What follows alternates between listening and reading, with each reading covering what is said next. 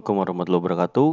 Kasa Milan Podcast masih mencoba untuk terus mengudara walaupun dalam situasi yang seperti uh, sekarang ini dan uh, masih dalam suasana uh, outbreak alias pandemik dari coronavirus.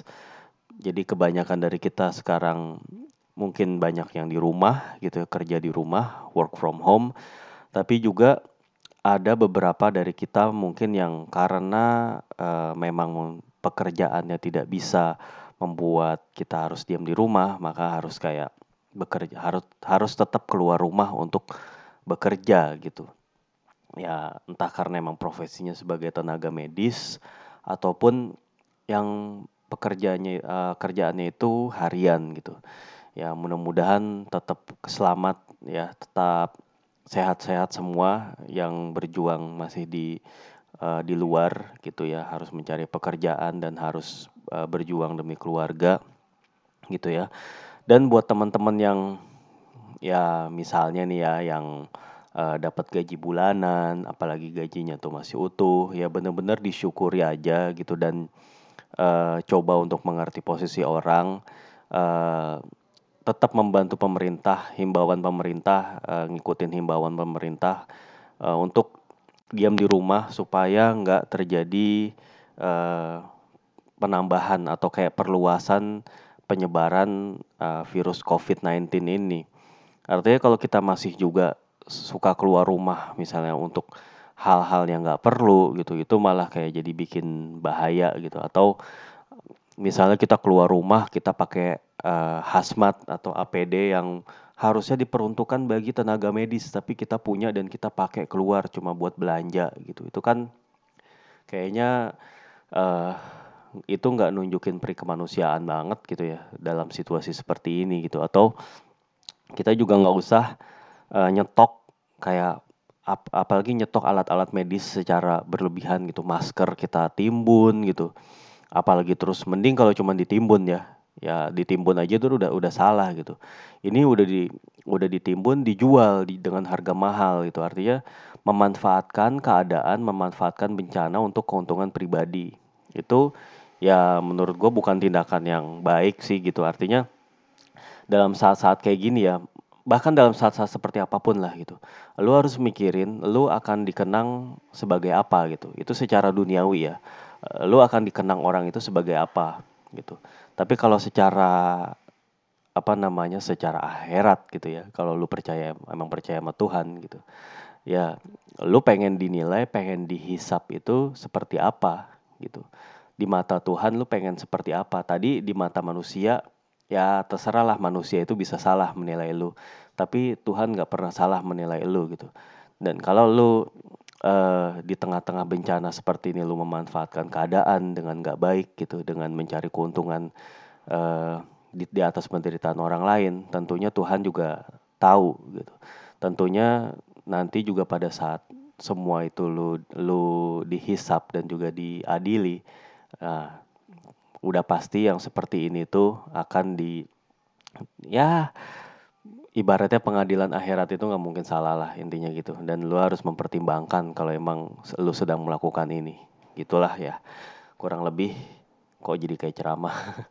Tapi uh, ya by the way pasti work from home saat se seperti ini pasti lu uh, bikin lu banyak nonton random things gitulah. Artinya yang tadinya lu nggak sempat lakuin lu jadi lakuin gitu. Acara-acara yang tadinya nggak sempat lu tonton jadi lu tonton gitu yang kadang-kadang namanya lu buka YouTube itu kayak rabbit hole kan lah. Ya, apa rabbit hole ya. Jadi ya lu lagi buka ini tiba-tiba ada link ataupun ada suggestion lu bukanya ke sini sini sini dan akhirnya bisa menuntun lu ke berbagai macam hal. Dan akhirnya lu kayak dapat pengetahuan-pengetahuan baru pengetahuan random atau apa pun itu yang tiba-tiba menarik minat lu gitu. Ya. Uh, ini juga pembahasan yang gue mau omongin di sini cukup random sih gua rasa. Karena jarang yang mengingat Milan itu pada periode yang ini gitu. Mostly kalau gue tanya uh, periode Milan yang paling diingat itu yang mana sih gitu.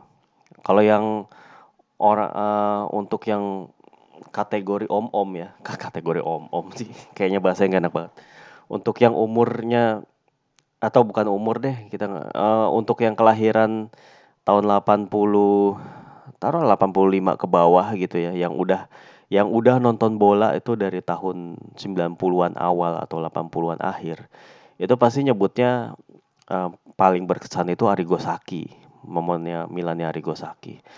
Atau uh, yang lebih mudaan dikit bilangnya itu oh Milannya Capello yang lebih bagus gitu. Atau yang baru nonton bolanya uh, tahun 90-an akhir bilang Milannya Zaccheroni lah itu waktu itu uh, jarang banget Milan pakai tiga back gitu dia bisa juga gitu atau uh, makin ke sini yang nonton bolanya tuh baru tahun 2000-an awal ya jelas Milannya Ancelotti itu susah banget untuk dilupakan gitu Bagaimana bisa Ancelotti itu punya ide seperti itu, menyatukan banyak banget pemain nomor 10 dalam satu tim. Itu nyaris nggak terpikirkan sih. Dan kalau lu lihat bagaimana pemain-pemain kayak Clarence Seedorf, Rui Costa, juga uh, Ricardo Kakak itu bermain dalam satu tim. Ya, itu sangat-sangat luar biasa gitu untuk ngelihatnya ya. Menurut gue itu jarang banget lah untuk, untuk terpikirkan gitu. Tapi Ancelotti bisa melakukannya. Ya. Dan gue bisa mengerti uh, kenapa kemudian Ancelotti itu banyak banget diingat oleh orang gitu ya karena kontribusi itu. Waktu ini nih, ini orang uh, agak jarang mengingat karena terlalu singkat periodenya gitu ya, terlalu singkat dan uh, akhirnya juga uh, apa ya endingnya maksudnya endingnya itu juga nggak menyenangkan gitu dan akhirnya banyak orang yang menuding yang nggak nggak gitulah gitu uh, era yang gue maksud ini adalah era Leonardo Leonardo Nascimento do Araujo. Lo tau lah orangnya gitu. Dan dia sempat jadi uh, direkturnya Milan uh, dua musim lalu. Sebelum posisinya diambil alih oleh Maldini dan juga bersama Boban. Sebelumnya itu Leonardo yang menjadi direktur Milan di eranya Elliot Management. Gitu. Dan uh, Leonardo ini ditunjuk oleh Silvio Berlusconi pada saat itu untuk ngegantiin Ancelotti yang uh, pindah ke Chelsea ya pada saat itu ya. Dan untuk Leonardo sendiri bukan hal yang mudah menggantikan Ancelotti yang begitu dicintai publik Milan dan meninggalkan uh, legacy uh, berupa tim yang sangat-sangat uh, bagus gitu ya. Bukan leg meninggalkan legacy, artinya Ancelotti sewaktu di Milan itu kan lo tahu sendiri menggabungkan pemain-pemain nomor 10 yang tadi gue bilang yang membuat siapa pun yang jadi suksesornya dia itu akan kesulitan untuk menyamai gitu loh, menyamai prestasi. Dan pemain pemain-pemain yang jadi andalannya Ancelotti itu juga udah uh, ada yang udah berumur, uh, ada juga yang udah pensiun. Pemain kayak Carlo eh kayak Carlo kayak Paolo Maldini itu udah pensiun pas tahun 2009 itu musim terakhirnya Maldini di Milan gitu.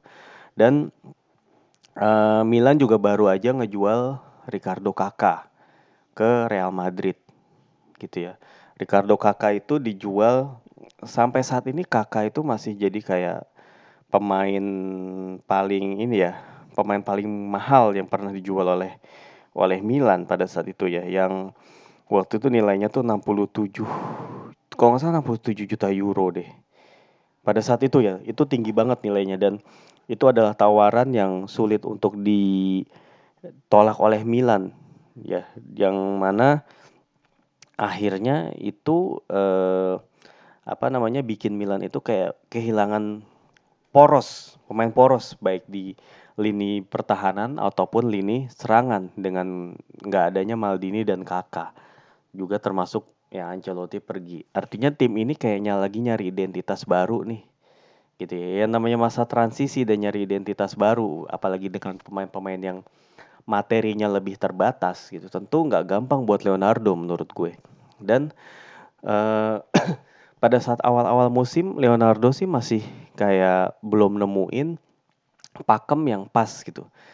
Jadi artinya Leonardo tuh kayak masih pakai formasi kayak 4-3-1-2 gitu yang biasa lah gitu yang atau 4-4-2 flat gitu bahkan uh, pada saat itu kan Milan juga uh, kedatangan Abate ya yang baru kayak dibeli Milan lagi dari Torino. Jadi Abate itu sempat main di Torino dan akhirnya dia itu dibeli lagi sama Milan gitu. Ya, dan Abate waktu itu masih jadi winger kanan pada awalnya ya. Tapi sebelum lu denger ini dulu bentar ya. Ini bakal ada episode atau ada uh, cerita tentang Abate habis ini. Nah, jadi waktu itu Leonardo itu biasanya masang uh, gelandang untuk posisi gelandang ya. Kalau back sih udah kayak biasalah ada Odo waktu itu masih ada Nesta, Thiago Silva baru baru dibeli uh, dari Fluminense dan itu pun Thiago Silva dibeli juga hasil uh, apa linknya atau hasil dari networknya Leonardo juga gitu. Leo, Thiago Silva dibeli cuma 10 juta dari Fluminense. Jadi waktu itu Nesta dan Thiago Silva mulai berduet bersama si uh, Odo dan Zambrota di kiri. Zambrota. Nah, terus pada akhirnya di tengah itu Leonardo itu banyak masang uh, Gattuso Pirlo masih masih ada tapi kadang-kadang digantiin sama Ambrosini juga ya terus di kanannya itu Abate uh, kirinya itu Sedorf dan uh, sebagai penyerang itu Ronaldinho dan Alexander Pato sebagai penyerangnya tapi pada saat awal-awal musim itu formasi nggak terlalu banyak bekerja dengan baik gitu. Uh, lu pasti ingat di pertandingan kedua ya, baru pertandingan kedua musim 2009-2010 itu Milan dibantai Inter dalam derby 0-4 waktu itu Internya Mourinho, Inter yang treble pada akhir musim yang selalu dibangga-banggain itu gitu ya. Dan uh, apa namanya kekalahan itu tuh bener-bener kayak mengancam posisinya Leonardo Berlusconi jadi marah besar karena kalah kalah 4-0 waktu itu ya. Terang aja gitu kalah 4-0 di derby pula gitu. Ya kayaknya udah gitu Leonardo seems clueless waktu itu dan belum belum tahu bakal kayak gimana nih. Tapi uh, titik baliknya seorang Leonardo itu adalah ketika Milan ngadepin AS Roma. Jadi waktu itu uh, formasinya masih kayak biasa yang tadi gue bilang. Uh, waktu lawan AS Roma, uh, Thiago Silva itu blunder. Kalau lu inget blundernya itu adalah ketika dia back pass, uh, nyoba back pass ke kiper, ke Abiati, uh, tapi back passnya itu terlalu lemah, back pass si Thiago Silva, sehingga uh, waktu itu, eh bukan Abiati deh Dida kalau nggak salah. Waktu itu Milan itu kebobolan lewat Jeremy Menes. Menes itu waktu itu masih main di Roma dan itu bertahan sampai babak pertama usai. Nah di babak kedua inilah uh, Leonardo mulai bereksperimen nih. Jadi dia itu nge, uh, ngegantiin Abate dengan Filippo Inzaghi. Jadi pada saat itu Inzaghi ditaruh jadi striker uh, utama, uh, Alexander Pato digeser ke posisi sayap kanan, Clarence Seedorf agak didorong ke depan dan Ronaldinho ditaruh di sayap kiri. Nah itulah dan Pippo Inzaghi di depan dan saat itu Milan menang. Milan akhirnya bisa comeback uh, lewat golnya Ronaldinho sama Pato waktu itu. Nah sejak saat itulah kemudian uh, formasi uh, Leonardo ini berkembang dan sampai akhir musim itu digunakan dan dikenal dengan nama 4-2 Fantasia. Kalau lu bisa lihat. Jadi 4-2 itu 4 itu merujuk kepada defender, 4 defender dua gelandang dan Fantasia itu adalah empat pemain berikutnya yang benar-benar punya fantasi yang atau punya imajinasi yang tinggi pemain kayak tentunya pemain kayak Ronaldinho dan juga Sedorf dan juga pemain yang cepat dan skillful kayak Pato dan pemain yang tajam kayak Pippo Inzaghi dan Marco Borriello gitu kelak.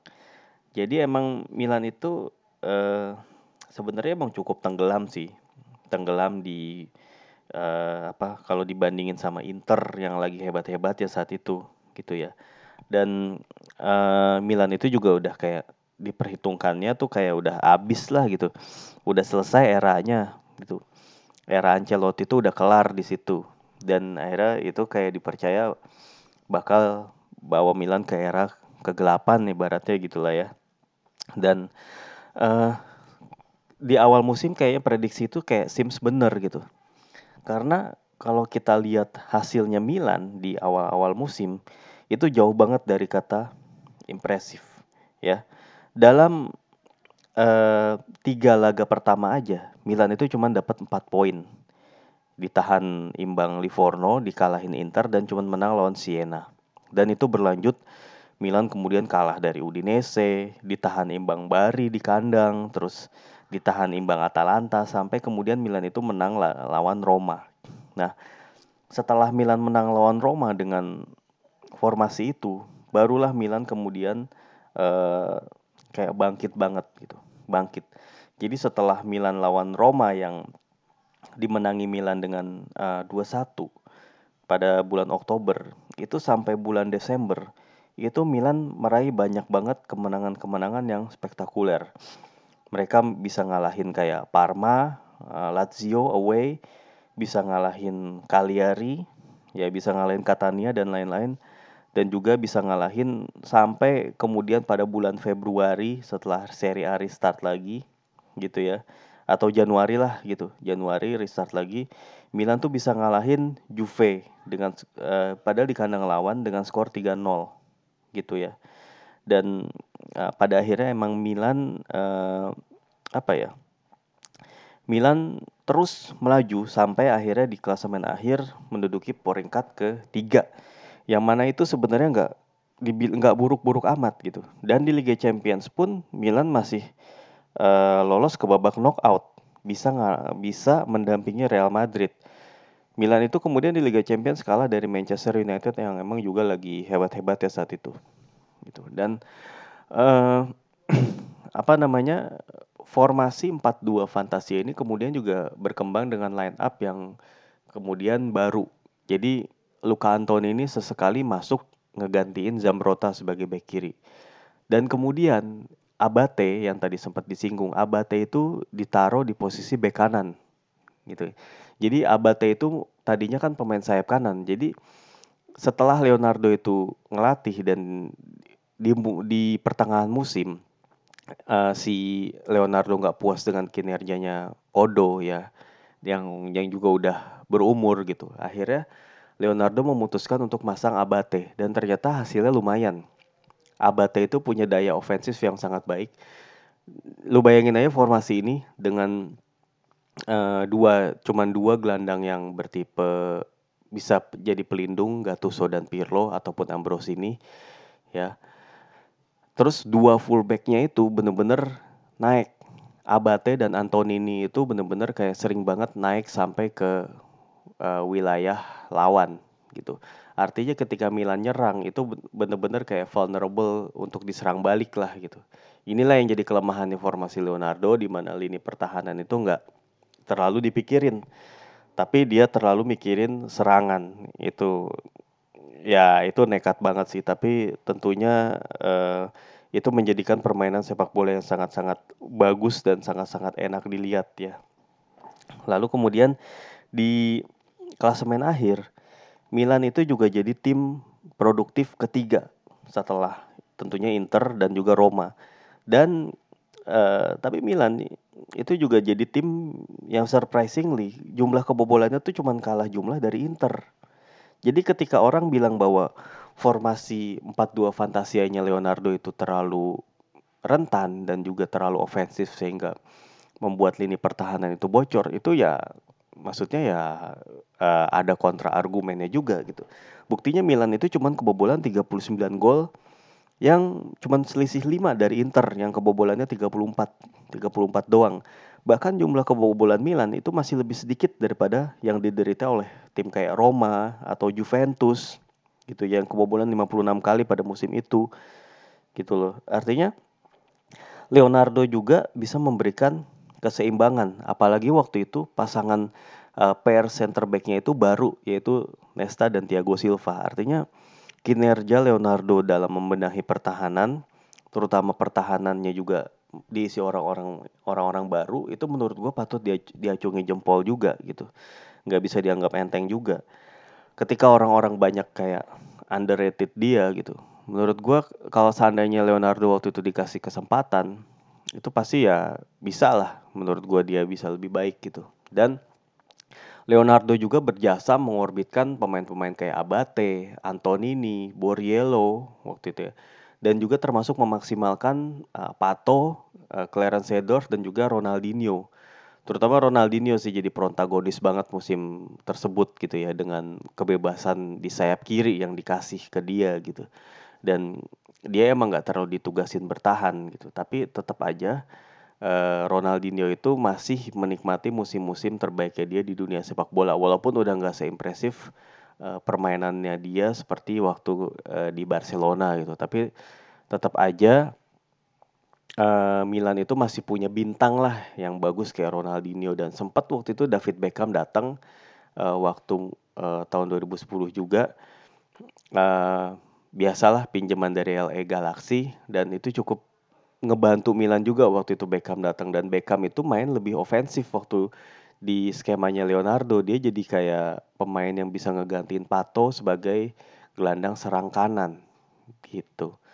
Artinya musim itu menurut gue cukup memorable lah gitu. Banyak momen-momen yang bagus. Juve dua kali dikalahin dengan skor 3-0 baik home and away gitu. Emang pas derby sih kalah mulu sih, kalah kalah 4-0 dan kalah 2-0 gitu. Tapi paling enggak lawan-lawan kuat itu masih kayak bisa dikalahin gitu. Kayak Roma, kayak Lazio gitu. Dikalahin. Dan emang musim itu juga musim yang cukup mengejutkan sih karena kalau lu lihat klasemen musim tersebut Sampdoria itu ada di urutan keempat dan Palermo di urutan kelima. Dan waktu itu Juventus juga emang lagi nggak bagus sih.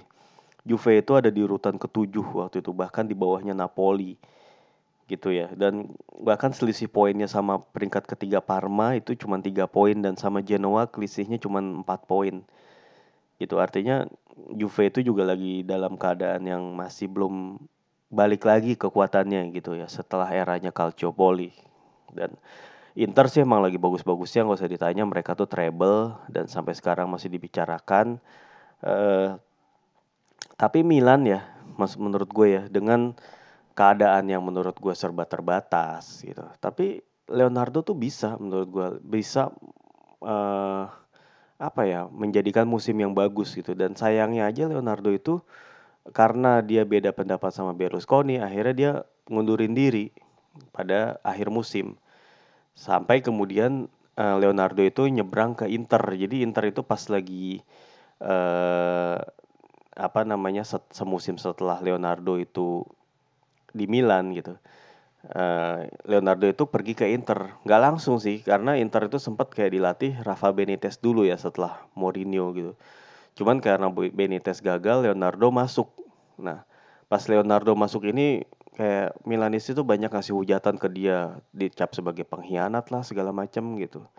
Tapi menurut gue ya perlu dilihat secara imbang juga pada saat itu kan emang uh, Leonardo itu kayak nggak dihargain sama Berlusconi gitu walaupun dengan apa yang udah dia capai musim itu mungkin Berlusconi nganggapnya uh, harusnya bisa nyaingin Inter gitu dengan uh, dengan skuad yang ada saat itu tapi kan nggak juga gitu itu masa transisi banget dan waktu itu Maldini baru pensiun Kakak baru pindah gitu ya.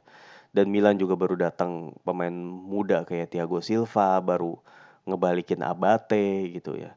Dan pada saat itu Ronaldinho juga udah kayak menurun gitu. Tapi tetap aja menurut gue Leonardo dengan segala effort yang udah dia lakukan patut mendapatkan penghargaan lebih. Dan karena itulah dia kayaknya ngerasa gimana gitu ngerasa sebel dan akhirnya ketika tawaran datang dari Inter ya dia terima.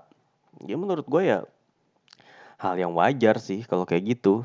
Gue juga bisa mengerti walaupun agak-agak kaget juga pada saat itu. Waduh, kenapa Inter gitu loh dan mengingat rivalitas yang ada dan akhirnya ya kalau Milanisti Milanisti yang dalam tanda kutip garis keras itu pasti ngebenci banget Leonardo tapi walaupun pada akhirnya uh, total Leonardo datang nih Leonardo datang waktu waktu musim dua musim lalu ya waktu di zamannya Elliot lah ya. Akhirnya ya ya mau nggak mau kan juga jadi eh, ngedukung dia gitu karena dia ada di klub. Makanya artinya uh, sebagai fans lu juga mesti inilah kayak tahan-tahan diri kalau lu punya komentar jelek terhadap siapa yang ada gitu. Karena siapa tahu uh, sekarang lu ngebenci dia nih bisa aja besok lu akan mencintai dia gitu atau ngedukung dia. Kayak contohnya Allegri lah itu. Allegri banyak banget dihujat waktu akhir-akhir dia di Milan. Banyak yang bilang dia gak capable lah gitu. Ya tapi ternyata dia uh, di Juve sukses besar. Dan ketika misalnya rumor Allegri balik ya orang-orang itu juga pasti oh yaudah nggak apa-apa deh Allegri gitu lah. Ya maksudnya ya artinya lu boleh punya opini tapi ya jangan ibaratnya kalau lu pengen menghujat jangan terlalu keras menghujatnya gitu loh biasa-biasa aja lah gitu kayak waktu itu gue juga bingung ada orang yang saat mention gue waktu itu ya soal lagi ngomongin Gazidis ya ada yang bilang Wah lu kalau Milanisti sejati lu jangan belain lu percuma aja kalau belain Gazidis loh. Emang kenapa ya? Lagian emang emangnya gue pernah ngomong bahwa gue ngebelain Gazidis gitu dan ataupun kalaupun misalnya gue uh, misalnya nih gue nggak ngebelain Gazidis emangnya gue harus mencaci dia gitu kan? Nggak juga. Siapa tahu aja ternyata apa yang dilakuin Gazidis misalnya nih itu adalah emang kemudian bikin Milan maju. Siapa tahu gitu. Tapi lu udah ter udah terlanjur menghujat dia gitu. Ya menurut gue sih nggak perlu juga lah lu menghabiskan energi lu untuk untuk seperti itu gitu.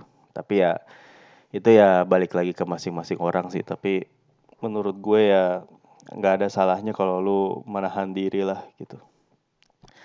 Dan uh, kemudian pas Leonardo pergi itu kan Allegri datang.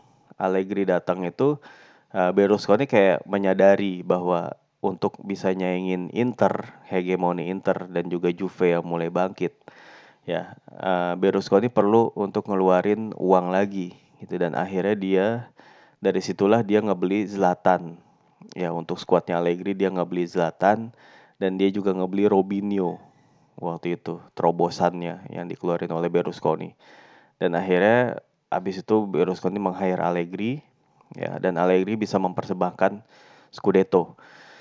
Ya menurut gua agak ini sih ya kita berterima kasih pada Allegri tapi seadanya emang uh, waktu itu Leonardo dikasih kesempatan lebih gitu ya dengan permainan yang benar-benar memukau seperti itu dan dikasih pemain atau dibelanjain pemain yang emang lebih bagus lagi. Kok gue agak yakin ya bahwa Leonardo itu sebenarnya bisa gitu, bisa untuk membawa Milan kepada kejayaan juga gitu, bisa ngasih Scudetto juga Leonardo gitu. Walaupun kalau di Liga Champions tuh masih kayak terlalu hijau ya, karena ya ketemu Real Madrid kalah, sempat sempat menang sih tapi sempat kalah juga gitu. Terus sama MU juga dibantai gitu. Kayak dalam beberapa pertandingan gitu Milannya Leonardo itu benar-benar nunjukin kelemahan yang nyata gitu di lini belakang terutama gitu loh. Dan bagaimana pertahanannya itu agak-agak mudah terekspos gitu di partai-partai besar gitu ya partai-partai genting. Dan kayaknya mentality seperti inilah yang gak disukai oleh Berlusconi gitu yang gak dianggap Leonardo itu nggak mumpuni gitu. Ya ya udahlah Berlusconi punya penilaian sendiri dan akhirnya dia waktu itu milih Allegri dan nggak salah juga Allegri sempat membawa Milan Scudetto dan sempat kayak mempertahankan kondisi Milan yang compang-camping yang sempat uh, pemain-pemain senatori itu pada pergi tapi Allegri masih sempat masih bisa ngebawa Milan ke peringkat ketiga gitu. Menurut gue itu juga prestasi juga yang jarang dilihat orang di musim keduanya Allegri deh. Musim keduanya. Eh musim kedua musim pertama kan Scudetto musim kedua musim ketiga musim ketiga. Musim kedua itu masih ada Ibra terus dia runner up kalau nggak salah Milan itu. Terus musim ketiga musim ketiga itu Milan ke peringkat ketiga. Pemain-pemainnya itu El Sharawi Pazzini gitu waktu itu kan. Tapi masih bisa dibawa Allegri ke peringkat ketiga gitu. Di sinilah kadang-kadang orang juga kayak salah menurut gue terlalu terlalu prematur ketika mereka memutuskan membenci Allegri gitu menurut gue padahal Allegri itu melakukan apa yang dia mampu dan cukup bagus menurut gue. Tapi ya pas musim keempatnya gitu, pemain-pemain udah mulai kayak ya kayak squad-squad kondisi squad juga udah mulai nggak baik gitu.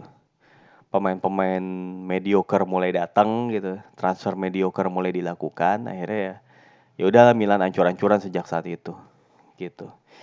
Ya Oke deh, gue rasa sih itu aja mau gue sampein pada episode kali ini. Semoga berkenan dan semoga bisa jadi teman kalian pada saat kalian itu melakukan ap apa pun lah aktivitasnya entah itu di rumah ataupun uh, di kantor ataupun di luar rumah gitu. Semoga aja selalu selamat, uh, tetap jaga kesehatan. Uh, kurang lebih itu aja yang mau gue sampaikan ya. Uh, mudah-mudahan juga semua ini cepat berlalu dan uh, kita bisa pulih lagi ke kondisi sedia kala. Oke, okay? uh, wassalamualaikum warahmatullahi wabarakatuh.